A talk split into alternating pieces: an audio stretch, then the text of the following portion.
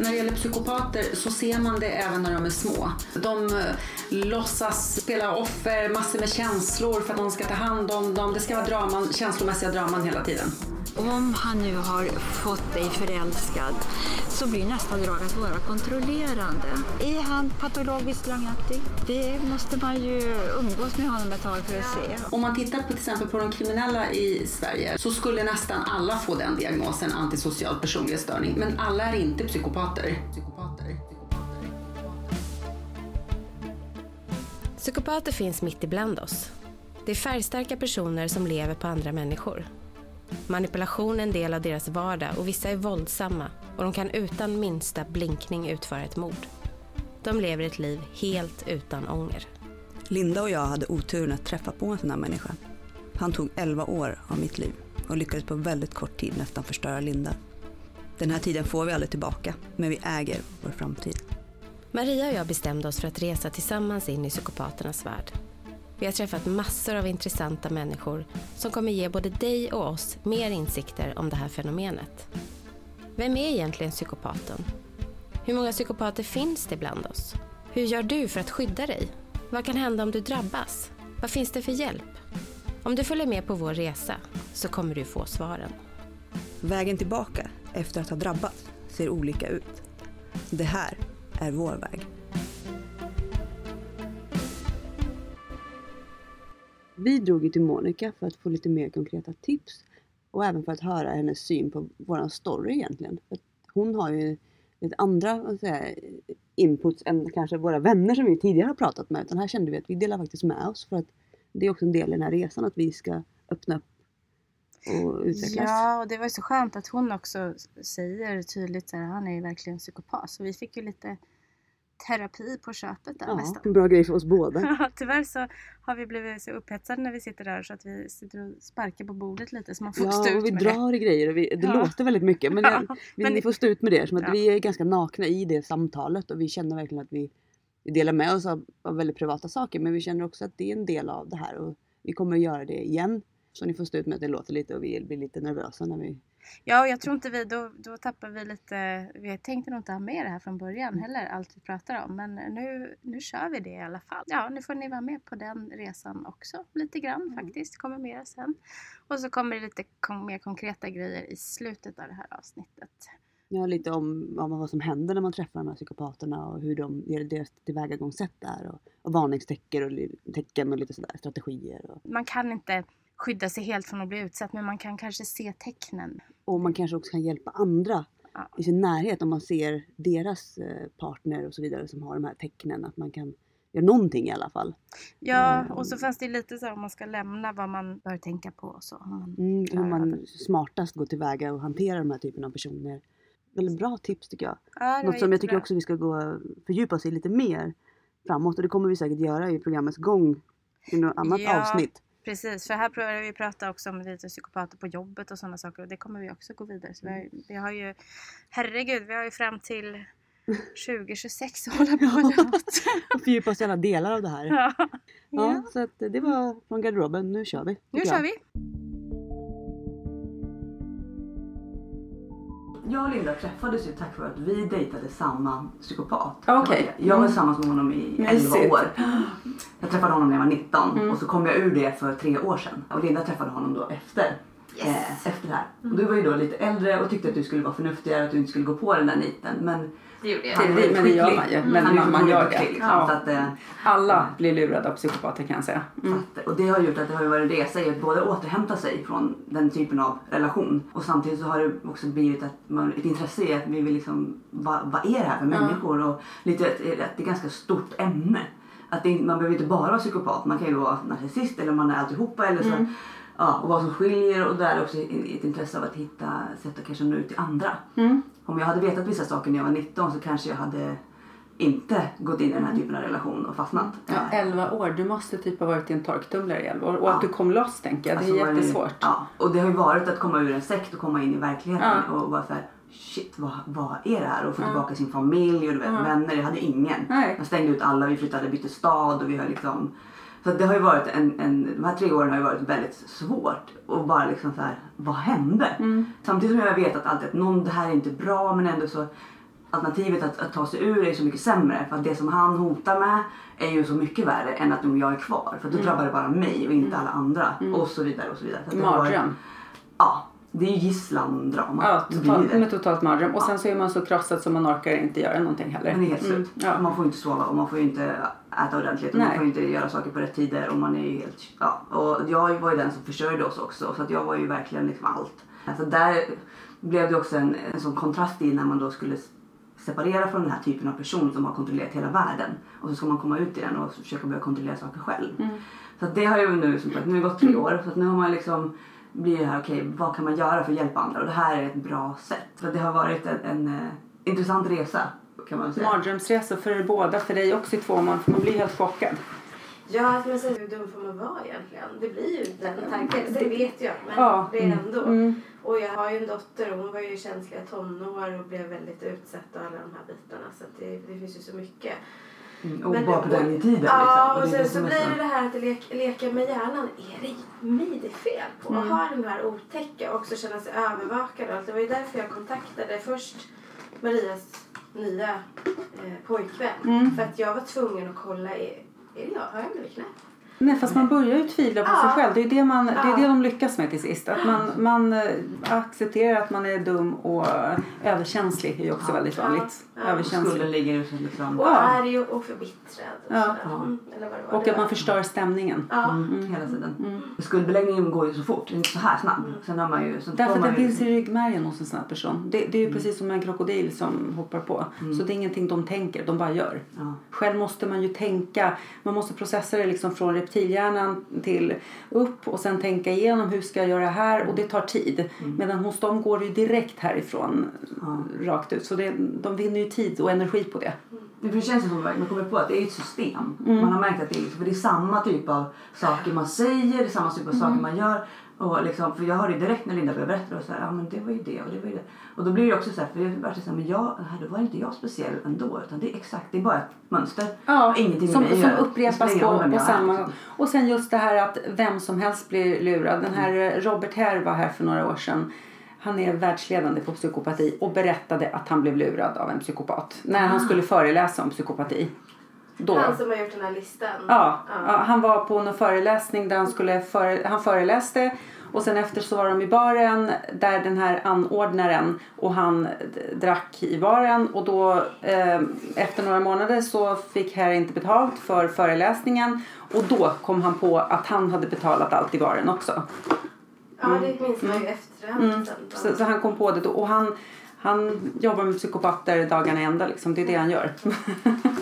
Det är helt Men det, känns, men det tycker jag på något sätt så känns det skönt. Mm. För att eh, det finns ju en skuldbeläggning runt omkring också från andra personer som också hör dig. Hur, tänk, hur kunde du? Ja Ja. men vad dum och du som har barn och allting sånt där och ta in en sån där i och, säkert vad det gäller kvinnor tror jag så är det hela tiden den där skuldbeläggningen. Mm, det det. Och jag hade aldrig hamnat i det säger någon Mm. och då känner jag bara så här. Nej. Det, folk förstår inte. Det är det att människor har ju en tendens att utgå från sig själva. Det är ju det. Så att man, man har svårt att sätta sig in i det.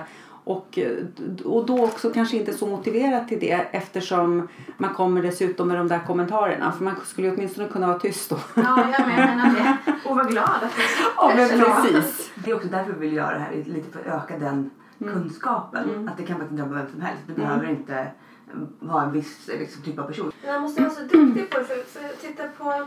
Det här är, jag tycker det är så, så intressant. För du var 19 och, och en väldigt skör situation då. Det hade hänt massa saker. Det förstår jag direkt. Eh, jag hade en enorm vänskapskrets och ett bra jobb och en familj. Så att jag förstår inte varför han siktade in sig på mig. Det finns det ju, han måste ju kunna se att det finns Ja, de- de- någonting ja, där tentakler. inne. Ja, Ja. och liksom, det är ju jätteobehagligt Ja. att kunna... Men de är fenor på det. Ehm, Ja, han hittar ju Ja, svaga punkter precis. som, som kanske att ja, äntligen så öppnar jag mig om det här. Att överhuvudtaget göra det. Under den perioden så hade han ju ganska många som han slängde ut trådar Ah, till. ja, ja, det, han Så hade ju han bara... körde väl säkert på. Och så, Ja, det är så, också en grej. Ja. Så man kör, alltså turforskningen säger ju att tur inte har med slump att göra. Utan tur, en av komponenterna är bland annat det att man försöker hela tiden Ja. och skiter i motgångarna. Så man försöker igen och igen. Det har de här människorna inbyggt i sig själva. Så att de bara kör. Får de ett nej så bara, det är som att de inte har fått ett nej. Ja. De, de beter sig som att det inte har hänt. Utan de kör vidare. Sen så tänkte jag med dig också just med tanke på det du säger att du var chef, du har många vänner. Då blir ju det intressant att erövra.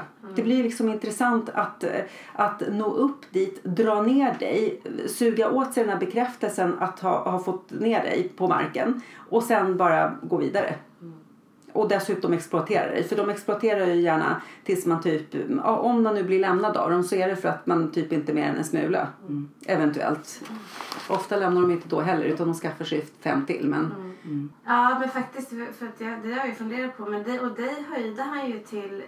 Det har jag ju också tänkt på att det är så bra att du hade ditt jobb, att du är så jävla bra på det. Att du blev ännu bättre under tiden. Ja, och det var det som liksom höll i. Ja. Ja, och det var nog därför man klarade sig också så pass bra. Just för att jag hade jobbet. ja, och det var, annars hade han tryckt på det. Han hade, han hade det var ju hållit nästan lite sådär. Ja. idoldyrkan Ja. honom. Liksom, han var ju verkligen, han lyfte mig så himla hysteriskt mycket nästan. Det var lite sådär fanatiskt. nästan. Var det inför andra han lyfte dig? Eller? Ja. Ja. Och även inför mig själv. Det var ju alltid också där. Eh, han sa ju alltid liksom att jag älskar dig men jag tycker inte om dig som person. Eh, och du är fantastiskt duktig på ditt jobb. Mm. Det var det enda. Mm. Det var aldrig någonting om att jag var bra som, en, som pri- privat. Det var liksom, fanns, inte fanns inte. Utan det var liksom bara att jag var jätteduktig på mitt jobb. Mm. Och sen var jag så egoistisk för att jag bara fokuserade på mitt jobb. Mm. Så att det var ju liksom så här. Och sen, ja, ja. damn if you do and damn if you don't hela jävla tiden. Ja, Ja. det, det här är ju utmärken för det, som man blir helt skitsad av dem. Mm. Och sen just det här är också vanligt för psykopater att jag älskar dig men jag tycker inte om dig. Så det blir Ja. med ett moment 22. Det är väldigt vanligt. Så typ att jag är en bra person. Jag dödade bara den här personen för att han gjorde mig förbannad. Så, Ja. så det, det, den är Ja. vanlig. Ja. Och jag, vi hade väl någon som vi tänkte så här, som var så jävla rolig. Vad var det? Man kommer hem efter en lång dag på jobbet och så ligger den där paddjäveln. Det är också roligt. Jag kan erkänna att jag har varit förälskad i men jag har haft förälskelser och, och det har gått åt helvete. Och jag kan fortfarande se på de här människorna och tänka ah, men jag förstår varför. Mm. Det fanns någonting där. Men jag kan inte göra det med honom. Det är, så, det är som att han satte någon så här förbannelse på mig så att jag såg honom på ett annat sätt. Du ser ju bara en träskpadda när jag tittar på honom. Han ser inte ens bra ut. Ja, det, men det, det, det är verkligen hemskt. Ja, Nej, men det, det, är inte jätte... ja, det blev ju inte alls min Mm. typ heller egentligen. Nej. Så jag var ju sådär, ja, ja, just att han han var så pass mycket äldre och kände, ja, och ändå så vart det något att, nej men det här blir nog bra. Men just det som säger att man, man har varit borta en hel dag, man jobbar och man sliter, man kommer hem till den här människan och han får en ändå känna dåligt samvete för att man har varit borta hela dagen. Mm. Han har inte gjort någonting för att hjälpa till någonting överhuvudtaget. Så man måste ändå gå och handla, man måste ändå laga mat, man måste ändå tvätta, man måste ändå... Och så ställer jag du hade gått med hunden då, jag fick ju hunden sen. Men, Mm. eh, och ändå liksom komma med den kravbilden. Liksom. Och ställde du ska krav? Visst var det så här, Mia, du går över mina gränser! Ja, och det, det viktigaste var ju som, som för honom var ju en som tydlig att man skulle då, när han sa stopp, Då- skulle man, så- skulle man då var det tyst. Ja. Eh, och om man inte är tyst, ja men då small det på ett eller annat sätt. Eh, ofta så small det ganska hårt. Men då var det ju där, när jag då har varit borta hela dagen och kommer hem och det är ingenting som har hänt. Och jag då måste så här ställa mig, först plocka undan alla grejer, jag måste gå ut med hunden, eh, jag måste då åka och handla mat för det har man inte heller gjort fast man bor typ 500 meter från affären. Och allt det där. Och då kände jag så här att det finns en frustration i att kan vi inte hjälpas åt? Och han det första säger stopp. Och då blir man så här, men jag måste få säga, för det här känns, då smäller det. För att, nej, jag sa faktiskt stopp och du kunde inte respektera mitt stopp. Så därav blev det ju indirekt mitt fel. För att jag respekterar inte hans stopp. För det hade ju vi kommit överens om att stopp är jätteviktigt, att man respekterar. Och att man lever Vilken mardröm. Ja, Ja. det där är så sjukt. Ja. Och så, så, som normal person försöker man ju resonera. För för mig var det så här, det gick inte ihop. Och jag försökte resonera med honom och det vet jag ju, det går ju inte. Det var ju helt lönlöst. För i början så gick det ju självklart att resonera. I Mm. början så är de ju otroligt receptiva och vet precis vad man vill höra och allting sånt där. Och så helt plötsligt så bara... Precis, och då har de ju inte tagit till sig det då heller utan det här är ju bara ord. De är ju väldigt bra på att göra en show. Så det är ju showen de vinner på. Det finns ingen stuns eller substans i det här utan det är ju en ren show. Och de gör det ju teatraliskt med miner, intensiv ögonkontakt, handrörelser. Det är det som gör att man blir trollbunden. Så det finns ju folk som har råkat ut för dem på det här sättet i kärleksrelationer och dessutom blivit blåsta på en massa pengar och Ja, tagit det lån. har jag också blivit. Det är för lite far åt helvete pengar som alla har sagt till mig. Var glad att du hade dem. Bara Ja, och, att, du, att du blev av med honom Ja, tänker jag faktiskt. precis. För det, det, det, det, Ja, men ja. glad att, du, så, så, att du, så att han kunde ta dem och dra. Ja, ja, ja, var det han som... Eller var, var det du som gjorde det av med honom eller var det... Det var så att han psykade ner mig så otroligt mycket men så skulle jag åka till Mexiko och jag hade ju inte sovit eller något så att min, jag var det, ja men du vet ju själv sömntortyr liksom. Och då kommer vi till Mexiko då, kommer jag, då kan jag ju sova på dagarna, då har han ingen kontroll över mig för han kan inte kontrollera mig hela tiden. Och sen så hände det saker där nere. Han, eh, ja, men han, han visste ju saker om mig som gjorde att han kunde göra mig illa, till exempel hålla mig under vattnet och så här, och så lilla gumman så skulle jag tröttna och sådär. Vilken tortyr. Ja, men då blev jag så arg där nere. Jag tror att jag fick sån kraft och jag blev så arg. Så att jag tänkte så jag skiter i vad som händer. Jag blev, alltså, fick tillbaka sig, jag ville bara göra dem illa. Och då backade ju han efter för sen skulle han ju flytta från det där huset vi var på. Jag var ju så hemsk och jag kände att ja, gör det, gör det, gör det, bara dra. Eh, men det gjorde han inte det, utan då kom han ju tillbaka och så var han jättegullig och, och allt så här. Och jag ville ju inte det. Jag var ju glad att det, tänkte nu är det äntligen över. Och sen tog han ju alla pengar, men självklart hade jag ju gömt undan ett kreditkort till mig själv. Så jag hade någon liten stridsmarthet finns ju liksom. Ja, Det där är ingen självklarhet så det var ju bra att du lyckades med det. Ja, men jag hade lite i bakhuvudet ändå att jag... Ehm, eh, nej, men sen så när vi kom hem då skulle han ju vara kvar hos mig. Och, jag ville, och då var jag ju rädd. Då var jag verkligen rädd. Och jag, när han, jag, jag försökte liksom få ut honom. Jag var på jobbet jättelänge, pratade med mina vänner och allting sånt. Men jag vågade inte berätta allt. Jag vågade inte berätta hur rädd jag var. För att jag var rädd att han skulle göra någonting. Och lång period efter att han sen hade dragit, då hittade jag en ny tjej under tiden. Det brukar vara det som är räddningen. Det är Ja. hemskt men eh, det, det, det brukar faktiskt vara räddningen att de hittar ett nytt offer. Ja, och då åkte han äntligen. Han stannade en hel vecka efteråt och jag, jag var ju knappt hemma. Och eh, min dotter var inte heller så jag skickade ju bort henne också. Jag var bara, jag, jag liksom fick försöka vänta ut honom tills han skulle dra. Och sen efter det så kände jag mig avlyssnad, bytte mobil och allting sånt där. Jag hade till och med en kompis som sett, jag tänkte man sett kameror någonstans. Så, så paranoid var jag. Mm. Men det är inte konstigt, det är ju det här som händer med en sån här människa. Man blir ju helt nersmulad. Ja, Och sen vet han flyttar in så fort, det är det också. ja, det Alltså, det. mig tog det ju tre veckor, sen flyttade han hem till mig. Ja.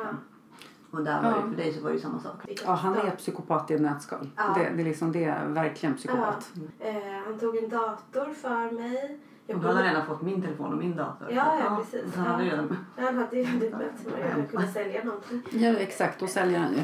Och snodde grejer, här badrumsskåp, jag vet inte, massa här små saker snodde han. Det förstörde verktyg massor. Han måste bara plocka på sig. Ja, men han plockade på sig det han Ja. behövde. Och sen polisanmälde jag det och det var, det var ju också det att det kommer ju inte, alltså det blir ju ingenting. Nej, jag vet. Nej, men jag hade ju, jag hade ju en, min jurist som, som jag CC'ade hela tiden när vi hade konversationer Mm. för att det skulle finnas någon som hade sett det. Och som hjälpte mig då vid polisanmälan och den här datorn. Och då säger han, då uppmanar han mig i ett mejl att begå försäkringsbedrägeri. Så det finns ju så mycket papper på det. Och jag var hos polisen, jag tog med mig henne. För att jag, jag ville ha någon med så att allting skulle komma fram. Mm. Och det är så uppenbara brott som han har begått. Men han åker inte dit. När jag anmälde mina grejer, då anmälde jag både misshandel och... Men de behövde ju ha bilder, ville de ju ha. Sen ville de ha exakta datum. Och när någonting har pågått under 11 års tid så Det kommer inte jag ihåg om det var mars eller om det var maj. Jag kommer ihåg att sängen stod på det där sättet och då borde det varit så för då hade vi den möbleringen. Det borde varit ungefär de här veckorna. Men det har hållit på i 11 år, jag vet inte vilket av gångerna som det var. Alltså, Ja, just det är det. så svårt att Ja. specificera. Men det är när man är sådär nedbruten Ja. också. Det, Då det, det, det ju det. minns ju inte saker korrekt. Och Nej. man har liksom, alltså, ah, vi behöver ha liksom mer specifikt. Och, och jag kunde sätta vissa saker i tidsperioder. Och sen hade vi även inspelningen på band där han eh, hotar min nya pojkvän då till livet. Och vi hade liksom Men det åkte han inte heller dit för. Nej. Han åker inte dit Fast det var någonting. hot. Ja. Men hur kom han undan det? Jag vet inte. Jag tror att det ligger en intressant story i det här. Ja, ja. Någonting konstigt är det för att det är så uppenbara brott där mot dig som han har gjort. Det där är kvinnofridskränkning. Ja, det är det. För det där, och, det- och det var ju hot också. Ja. Jag har två vittnen Ja, som har ja, hört honom efter liksom, pistoler. Och jag har liksom Ja. två oberoende vittnen som inte känner varandra som vittnar Nej. om det. Liksom. Och jag hade ju bilder på när han och också vitt- vittnade om att han försökte, för han beställde ju en pistol för att skjuta Malias nya.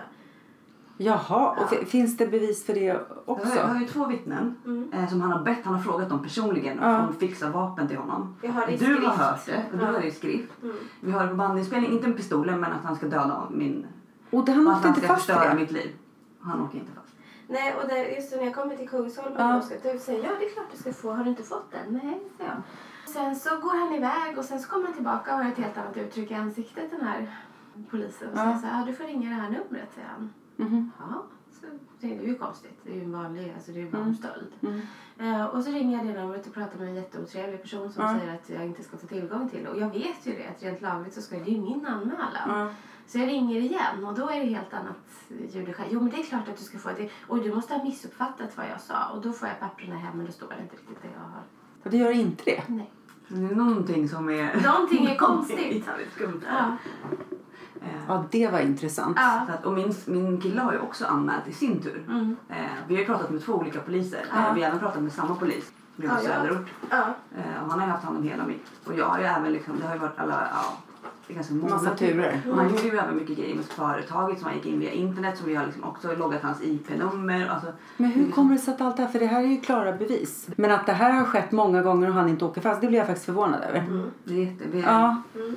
Jag vet inte. Det, han säger att han har polisbeskydd. att- Men han säger ju så mycket skit så att man, men ibland så tror Jo, men man för när att vi är träffades så, så. hävdade han att han hade skyddad identitet för att han hade gjort, eh, han hade Han ju bytt namn vittnat mot något vaktbolag så han hade skyddad identitet och man kunde inte hitta honom i polisdatabasen. Jag bara, nej okej. Eh, så att, eh, och det var så här, ah, ja nej, men det kan ju vara rimligt tänkte jag. Det kanske vi måste nysta i lite. Där finns en story tror jag som vore intressant. För att det är ju fruktansvärt om att en sån här person kan utnyttja, det är inte bara kvinnor utan Mm. han utnyttjar kvinnor men han utnyttjar alla. Därför jag har inte ens jag, fick, jag har fått några halvdana anmälningar hemskickade men jag har inte fått allt material hemskickat heller. Nej. För Christian var så min sambo han bara, men alltså, du måste få materialet. Mm. Varför har du inte fått materialet? Och det tog liksom ett år innan jag ens hade fått något jättekonstigt.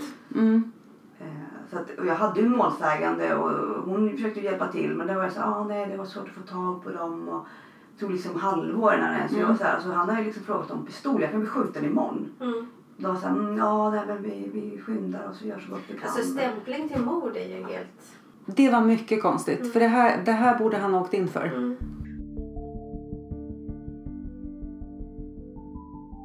Ja, det här skulle jag ju jättegärna vilja ta tag i men det är lite svårt när man är inblandad i det. Men om det är någon som känner sig manad och är intresserad av en Salander-historia så Ta det känns, ändå, känns ju lite som att det är ett scoop här. Att det, vad, är, vad är grejen? Ja, det, det finns definitivt någonting där, det bara är så. Sen går det ju inte, som sagt, jag kan ju inte som eh, journalist gå in och titta i någonting som jag själv eh, har varit med om. För det, det är just att man skyddar personer på det här sättet. Så det verkar, det verkar ha gått till så helt enkelt. Och nu fick vi ju det också svart på vitt. I början tror man ju att man är paranoid och dum i huvudet och galen och allting sånt. Och vågar inte, jag vågar inte prata om det. Nej. Men eh, nu när vi också kan göra det rakt ut och, då, och så när Monica säger så här, då känner jag att eh, Det ligger en, en, hund begraven någonstans. Ja, det Något kan man säga. där. Jag känner att det ligger tre hundar på raken. Ja. Six feet under och stinker. Verkligen. Vill ni veta mer så är det ju bara att kontakta oss på kontakt psykopatpodden.se. Eller är ni en grävande journalist så mejla oss där. Ja, absolut. Vi är väldigt eh, intresserade av att hjälpa till. Men eh, ja, som sagt, vi kan inte, vi ska ju inte gräva vidare i det här, men, eh, utan vi ska gräva vidare i eh, hur eh, psykopater fungerar och varför och hur man tar sig ifrån dem och allting sånt. Ja men nu har ni hört lite mer om våran story. Eh, så jag tänker att vi kan gå vidare då och höra lite vad Görel och eh, Monica har för tips. Lite Ja. om det vi pratade om i början. Det vi lovade. Så vi går vidare in i avsnittet helt enkelt. Det här första var egentligen bara en personlig liten inledning kan man väl säga. Ja, men jag tänker mig att när man hör, man, hon hade ju hört det här förut, Monica. Så Mm. jag tänker att om det är någon som är utsatt där så har de säkert, eller då känner de säkert igen sig i vår story. Ja. Och eh, något litet tips fick man väl in det där, till exempel vara lite street smart och ha med sig ett extra kreditkort om man har någon jävla idiot som Ja men precis. ska ta. Ehm, Och många av historierna är ju likadana lite som vi var inne på också där att när du berättar saker så känner jag igen exakt de delarna och även om det inte kanske är exakt på händelsen så är det fortfarande samma typer av agerande och situationer som har uppstått. Och, så att det är ju, jag kan tänka mig att det är väldigt många om de personer där ute som har drabbats av den här typen av människor som känner igen sig. Eh, att man är inte ensam och det är verkligen ett mönster från deras sida.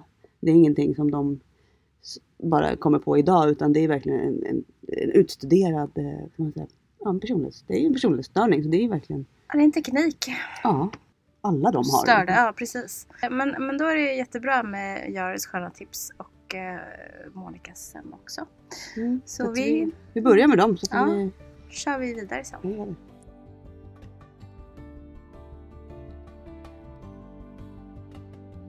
Låt honom inte flytta in med samma.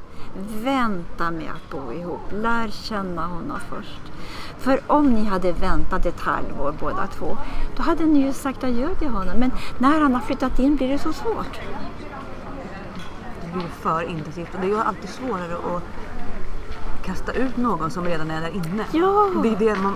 Det är ju, visst. Det flyttar ju in i hjärnan på ja, en på en gång. Ja. Och de får så tillgång till så mycket tid Ja, att påverka också. Ja. Träffas man bara någon gång ibland då hinner man ju fylla på med annat. ja exakt. Men man har ju inte en chans när man väl Nej, bor nej, nej, då blir man ju hjärntvättad. dygnet runt. Ja, man ringer ju inte och pratar med vänner lika Nej, ofta eftersom nej. att de hela tiden då minimerar den kontakten med Mm, andra. Och till slut har man ju ingen alls Ja. och då pratar man bara med den här personen. Men det är ju en del av hans taktik. Han vill så snabbt som möjligt få kontroll över kvinnans hjärna. Mm. Och då måste han ju flytta in och få, få den kontrollen. Inte flytta in, det är ett jättebra tips In- tycker jag. Det känns som Ja, kärnan. Ja. hela. Låt dem aldrig... Låt dem inte flytta in, låt det gå med ja. Och, ja. och jämför med andra män. En annan man, helt vanlig man, skulle ju inte kräva att få flytta in direkt. Nej, och skulle inte uppvakta på det här stormande sättet. Och skulle inte vilja skilja kvinnan från sin släkt och sina vänner. Det helt det finns ju ingen anledning känner det man. finns ju ingen anledning. Så det är väldigt sjukt när han försöker göra de här sakerna. Och så de här lögnerna, att, att observera mannens lögner. För det är ganska många. Och det är ju inte så att han alltid bara ljuger i manipulativt syfte för att få henne dit och dit. Utan han, han ljuger ju ibland bara för att det är så roligt. Han säger saker som han inte hade behövt ljuga om. Han, ja, stämmer det? Ja. Därför jag undrade ett tag om det är så att han egentligen tror på sina egna, att det inte alltid är lögn. För ibland känns det som att det är någonting som han upplever. Eller så vill han bara addera saker för att det blir roligare att leva då. Det verkar vara så att för den här sortens man, så, må- så det vanliga vardagen, det blir så tråkigt. Det blir så enahanda och han måste ha stimulans hela tiden, aktivitet. Och händer ingenting, ja då kan man ju hitta på saker. Man kan börja ljuga om saker och fantisera ihop och det blir roligare. För det känns som att allting saltas och sockras Ja. och det läggs Ja. till. Och, Ja, ja, så är det. och väldigt bra på att berätta historier. Väldigt fängslande historier. Ja, och det, det säger man också att det, psykopater kan man, man kan ju då få sådana att gå i terapi kanske. Men de kommer ju ingenstans i sina terapi och de vill främst berätta rafflande historier ur sitt liv för terapeuten. Ja. Som då ibland kan bli fängslad av det och glömmer bort att det här är en behandling. Min exman hävdade alltid att han var smartare än terapeuten så därför kunde han inte gå Ja, ja. i terapi. Han var ju mycket smartare. Men man har ju ingen, eh, inget ut av terapin när man bara försöker sabba den. Ja, nej men det är helt verkningslöst. Mm. Verkligen. Fälla kroppen på sig själv. Ja. Förr var det enklare. Förr bodde man i en by och så träffade man Petter från nästa by. Och alla kände till Petter och hans föräldrar. Alla visste vem den här familjen, hur, hur de var. Ja. Men nu träffar man Kalle från en helt främmande miljö som ingen vet någonting om. Vi träffades ju på internet. Se där. Det är också en svår... Ja, men det kan gå bra också. Det kan gå Ja, jättebra. ja. Absolut. Men då har man Men- ingen aning Nej, om... ing, du vet ingenting om hans bakgrund? Nej. Han hade inte ens ett fotoalbum. Det fanns inga fotografier, ingenting. Jag visste nej, ingenting. nej. Allting. Ett annat råd när man träffar en ny man det är ju att väldigt snart träffa hans familj. Se hur hans föräldrar är. Hans syskon, vad är det för några? Är de väldigt mjuka, varma, omtänksamma, söta personer? Ja, det är ett gott tecken, men de kanske inte är det. Allting handlade hela tiden om att man- manipulera andra människor och även då leva på andra människor, på deras pengar och inte behöva göra någonting själv. Inte behöva jobba, inte behöva liksom tillföra så mycket själv utan använda andra som marionetter som gör saker åt honom i allt. Ja, det har vi den parasiterande livsstilen som finns med i den här listan. Det är väldigt vanligt. Jo, men har man utvecklat den väldigt starkt då får man ju mat och kläder och disken diskad och så vidare. Man behöver kanske inte göra så många inbrott då. Man har allting. Ja, det är skönt. Man kan akta sig för de här dragen. Ja, den starka lögnaktigheten, den parasiterande livsstilen. Vill han inte jobba utan vill han istället leva på dig? Ja. Varningstecken. Precis. När man verkligen får det här bekräftat, eh, det, känslan är så fantastisk. Att man bara känner att Jaha, det finns verkligen på riktigt det här. Det är inte bara en elak människa som bara gör massa saker. Utan det finns en lista som man kan hänvisa till. Och det bara, att hon bara har svaret gjorde mig så glad bara. Han är sjuk i huvudet och han bara stämmer in på allt. Och Det det, och det, fantastiskt. det man känner är ju bara att ja, men det är verkligen inte mig det är fel på i det här läget. Utan det Nej. är verkligen en sjukdomsbild, eller vad ska man kalla det? En, en störning ska vi säga. Ja, Det är kanske bättre. ja. Ja, för att det, att det inte bara är jag själv, utan verkligen, eller du. Utan att det, det är inte vi. Det Bara. är inte vi. Nej. Det var inte vi. Nej, det var inte Det vi. var inte vi. Men eh, Monica hade ju en massa bra punkter så jag tycker vi klipper in dem efter det här. För det här, hon hade lite litteraturtips och så tror jag. också. Ja, precis. Lite tips till våra lyssnare. Ja. Som är jättebra. Då kör vi på det tycker jag. Gör vi. Klart slut från garderoben.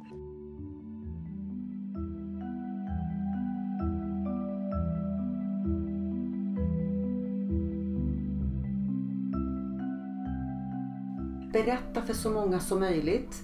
ehm, För att höra andras observationer som har träffat den här mannen är det ofta. Eh, Sen om, om man kan tillämpa den här strategin att ta några veckor och bara observera så att man inte slösar energi på att berätta vad man tycker och tänker och känner. Utan bara observera den här personen och inte berätta om sig själv för att på det sättet inte ge honom kontroll. För på det sättet kan man samla ihop sig lite. Och sen börja, börja skriva ner eh, situationer som har varit märkliga med den här personen från det att man träffades. Så att man får en helhetsbild. Därför att det här är en strategi som hjälper att man kan ta ett steg ut ur situationen. För när man är inne i situationen blir man förblindad av den. Så en viktig strategi är att försöka få ner det på papper, få mm, andras observationer för att kunna skapa som en bild, en helhetsbild av hur beter sig den här människan i olika situationer. Hur har han betett sig mot mig? Hur stor procent av tiden vi har varit tillsammans har varit bra? Hur stor procent har varit dålig? Hur ofta har jag känt mig rädd för personen? Hur ofta har jag känt mig glad? Eh, så att man börjar observera sina känslor också och hur de har varit historiskt med den här personen. Så att man försöker gradera. Hur rädd har jag varit? Hur glad har jag varit från 0 till 5? För att skaffa sig en helhetsbild av hur livet med den här människan är. Men där gäller det att gå in på detaljnivå för det räcker inte med att tänka så här att hur har jag haft det med, med den här personen? Det blir för generellt. Utan gå ner på detaljnivå, ta reda på fakta. Skriv ner fakta så att du får en helhetsbild. Det är första steget. Och hör det av andra. Och ta reda på stödgrupper så att du får höra hur andra har känt sig i olika faser. Hur kände de sig när de var i början av relationen, i mitten, i slutet och hur kände de sig när de kom ut ur relationen. Det är en jättestor hjälp. Så det tycker jag är ett största, första steg. Och sen inte berätta för psykopaten vad du håller på med. Så inte berätta att nu ska jag mm, börja min process här för att lämna dig.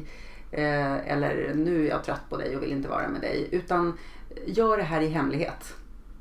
Det är en viktig, ett viktigt skydd. Och då menar jag framförallt inte bara fysiskt skydd. Utan jag menar att det framförallt är ett psykiskt skydd. Därför att du gör din egen grej utan att vara helt naken inför psykopaten.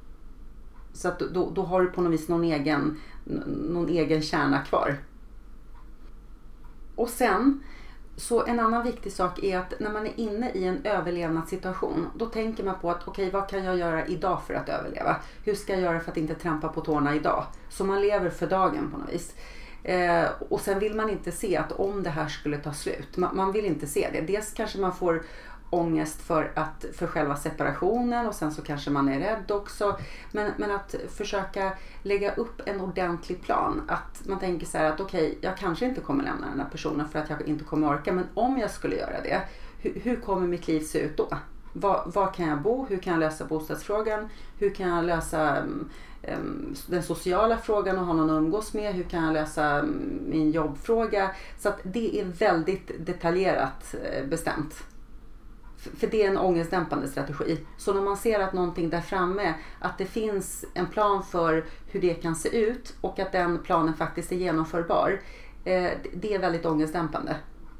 För att sen är det jobbigt nog med själva separationen därför att eh, även om man inte känner sig rädd för personen så är separationen jobbig därför att man, man kanske tycker så här, nu kommer jag aldrig mer se den här människan och vi har ju haft fina stunder ihop och han gjorde ju det här för mig som var viktigt och hade, han fanns för mig då. Men man hittar en massa sådana som, som i alla separationer som blir väldigt jobbigt men de här separationerna blir ännu jobbigare. Därför att man blir, den här människan gör sig påmind hela tiden. Ehm, och gör att man inte kan börja läka så att man trillar dit. Är det viktigt att försöka skapa en distans mellan dem? Jätteviktigt. Att man försöker inte prata så mycket. Man försöker inte liksom... Och det ska ingå i den här planen som man gör. Att hur kommer mitt liv se ut? Hur ska jag göra för att se till att inte bli kontaktad av den här personen? Därför att, och sen tänka ut en strategi för att om jag blir kontaktad, hur ska jag agera då om jag får ett sug att eh, trilla tillbaka? För det kommer att hända sannolikt. Om man har barn med en sån här person, Mm. vad gör man? Eh, Då får man se om, om, om han börjar dribbla med vårdnadstvister och så. Då, då får man ju gå den vägen, vilket är jättejobbigt. Men då får man göra det. Och, och i annat fall ta barnet med sig och eh, se om man, kan, eh, om man kan få till en delad vårdnad. Eh, I bästa fall så är inte han intresserad av barnet utan släpper barnet och bryr sig inte. Men, men eh, det finns en stor möjlighet att han kommer, oavsett graden av intresse, att han använder sig av det här barnet för att komma åt sin partner. Om han inte kanske kan vad heter det, rikta intresset mot en ny kvinna eller det kan också finnas, det händer ibland. Eh, det, kan dock bli så att om han verkligen, det beror på vilken fas han är i. För vill han inte bli lämnad därför att han eh, har bestämt sig för att det här ska fortsätta, då, då blir det ju jobbigare. Har han under tiden träffat någon annan som han är jätteförälskad i, det, det är ju jättebra för den, det är ju hemskt att säga, men det är jättebra för den som är, som är på väg, som vill bort. För det där är en jättebra, för då blir det en distraktion. Det blir ju att han byter offer. Så man, man, man slipper undan själv och sen så blir nästa kvinna ett offer. Och sen så har jag hört många som säger så här att jag kanske ska berätta för henne vad, vad, som, vad som väntar och vissa har försökt göra det också. Men, men tyvärr är det så att den nya kvinnan ofta inte vill höra. Utan hon tror att man är ett svartsjuk Ja. ex som... Han lägger Ja. ju upp det så Ja. också. Så det är precis så som hon som ringde mig. Det var Ja. samma där. Hon, bara, hon hade blivit kontaktad då av det här gänget uppe i Stockholm som hade varnat henne. Mm. Hon, med- både henne och hennes vän. Mm, Hon bara, jag vet att ni, sa hon inom parentes, jag bara, det var inte jag i alla fall. Men att, ja, vi fick varningar angående den här mannen. Och ändå så sitter jag här ett halvår senare och ja, lyssnade inte. Och jag ångrar att jag inte lyssnade. mm. Så att, Och det är väldigt vanligt. Ja. Fast det kanske å andra sidan gjorde att hon, då har hon ändå fått varningen. Så att samtidigt så blir man så här, har du inte fått den alls så kanske det hade gått ett år då. Man vet ju inte heller, även om inte den hjälpte just då, men det kanske ändå öppnade upp någon form av... Ja, jag, jag tror att det är bra för den nya kvinnan att få höra det i alla fall. Sen så kan den, den kvinnan som är på väg bort bli drabbad av det här också om den nya kvinnan berättar för honom Mm. att hon har blivit kontaktad. För det kan ju hända för då ska ju hon alliera sig med honom för de ska ju inte ha några hemligheter för varandra. Mm. Det är ju det han trycker på. Och då kan, kan ju hon sätta dit den Ja, så, så att exet blir drabbat. mm, ändå. Mm. Mm. Jag tyckte det var bra att kunna gå tillbaka som jag titta också. Som jag kollade ju dig, så jag googlade ju dig jättemycket och, och Christian och sådär. Och liksom såg alla connections. Så här finns det ju stabila kontakter som är kvar Mm. fortfarande. Han har ingen liksom. Alltså, så jag kunde sluta mig till även fast jag förstod det egentligen någonstans från början att att inte var ni inte som var galna. Så var det ändå liksom skönt att sitta. Jag gjorde ju det innan jag Mm. kontaktade er. Bra med sociala medier. Googling är ju väldigt bra. Liksom. Ja, verkligen. Ja. Det är väldigt bra. För då kommer vi tillbaka det här i att en jätteviktig faktor i det här är att informera sig.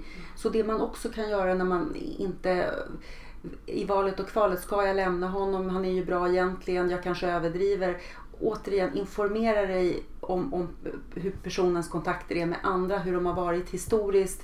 Finns det inga så är det jättemärkligt. Eh, och informera dig om, om vad han lider av. Vad du tror att det skulle kunna vara. Så informationen är jätteviktig och informationen om mig själv också. Att varför har jag suttit med, med den här personen så länge? Kan jag hitta mönster i, i min egen uppväxt där jag kanske inte har känt mig sedd eller där jag kanske har känt mig väldigt kritiserad ofta eller så att jag har fått låg självkänsla. Liksom, så, så att man förstår sig själv. Det är också viktigt för då, då kan man få mer empati för sig själv. Och när man får mer empati för sig själv så skuldbelägger man inte sig själv. Därför att det här är också en jätte jätteviktig faktor. Det här att man, man har en sån otrolig tendens att skuldbelägga sig själv och skämmas. För att man har gått på det här. Ja, men det tror jag mycket. Och jag, det, var, det var en bra del av det här.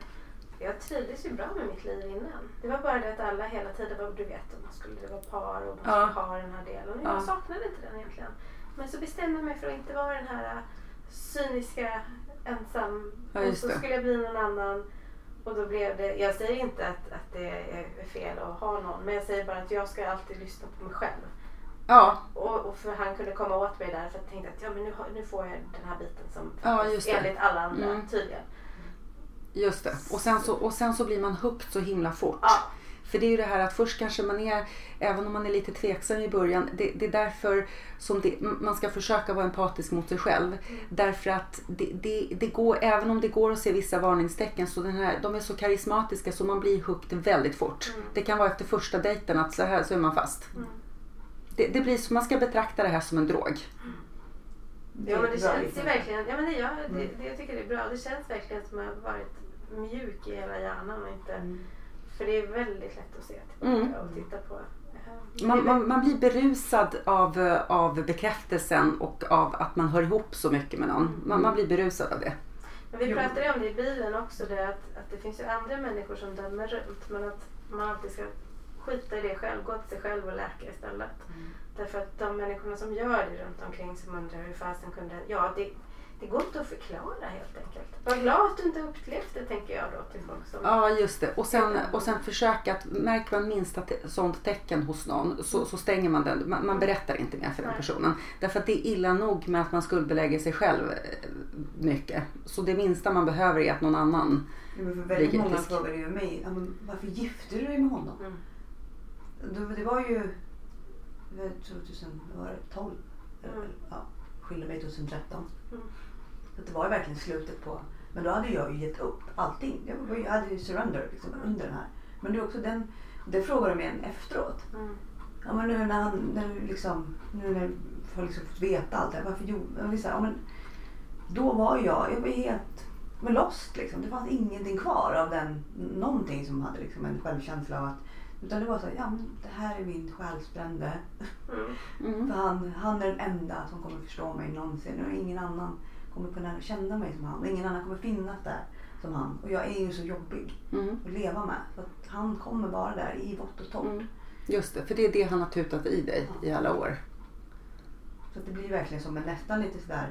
Det var därför som när vi gick igenom det här lite med sekter också. Mm. Att det blir lite samma. Mm. Att den här människan också, han höjer upp mig men samtidigt så var ju en del av mig höjde upp honom samtidigt som jag visste att ja, han slog mig, han hotade mig. Jag var rädd för mitt eget liv, jag var rädd för min familjs liv. Han skulle skada alla runt omkring mig om det inte var bra mellan oss. Men så länge det var bra mellan oss så var det ju aldrig något problem då. Mm.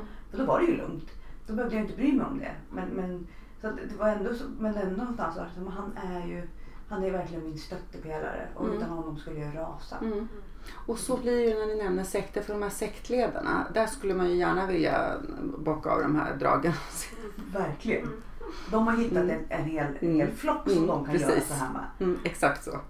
Och de får ju då både pengar och Mm. sex Mm. och, och Mm. allt härligt och som få, de och få får, känna liksom. sig berusad av bekräftelse. Och som gudar liksom. Ja, exakt så, som gudar. Och även om narcissist, alltså det, alltid måste, det måste ju bara vara fantastiskt.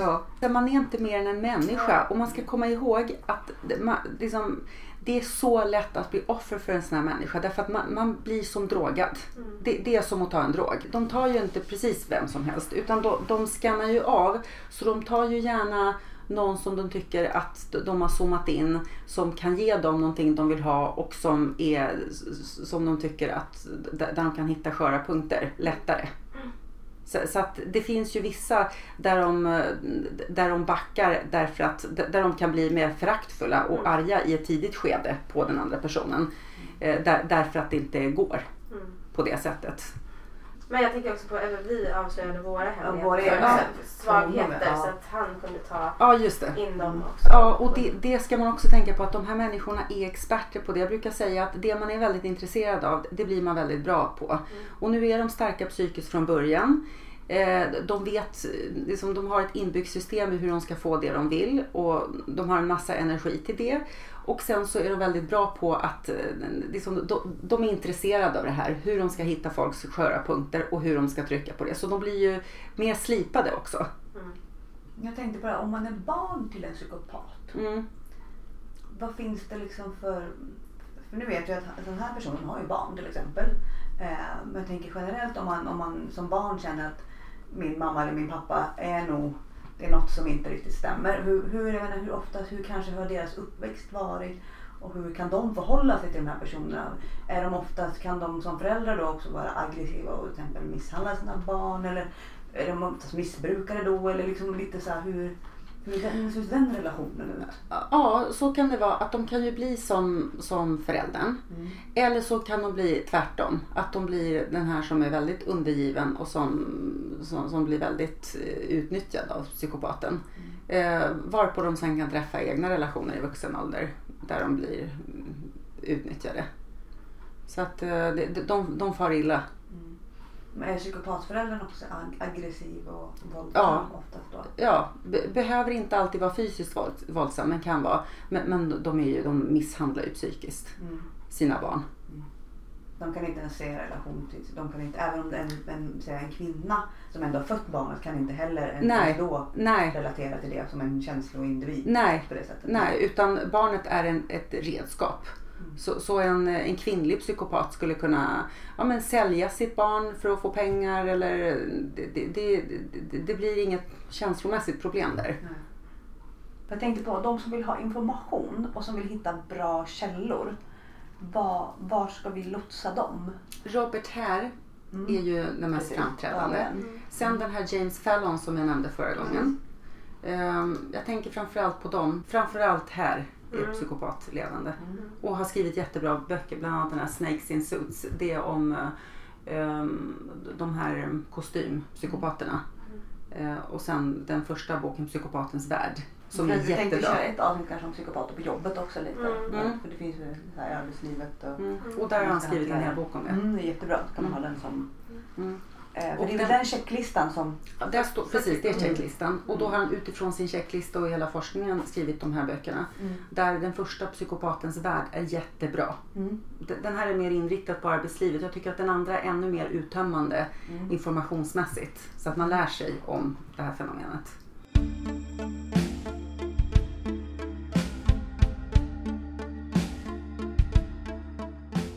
Vår Facebook-sida länkar vi löpande till det vi pratar om i programmen. Ni får gärna följa oss där. Under hösten så kommer vi att prata om bland annat personlighetsstörningar som narcissism, psykiska sjukdomar som manodepressivitet och borderline. Vi har intervjuat personer som varit med i sekter och blivit ordentligt manipulerade av riktigt otäcka psykopater. Vi kommer prata om posttraumatisk stress, psykopater på jobbet, män som slår kvinnor och huruvida de är psykopater eller ej och mycket mer. Du får gärna skriva till oss om du själv har erfarenheter som du vill dela med dig av eller uppslag om vad du vill veta mer om. I augusti kommer vi själva att bli intervjuade av en riktigt bra journalist som vi båda har stort förtroende för och det avsnittet kommer under september. Vi hörs!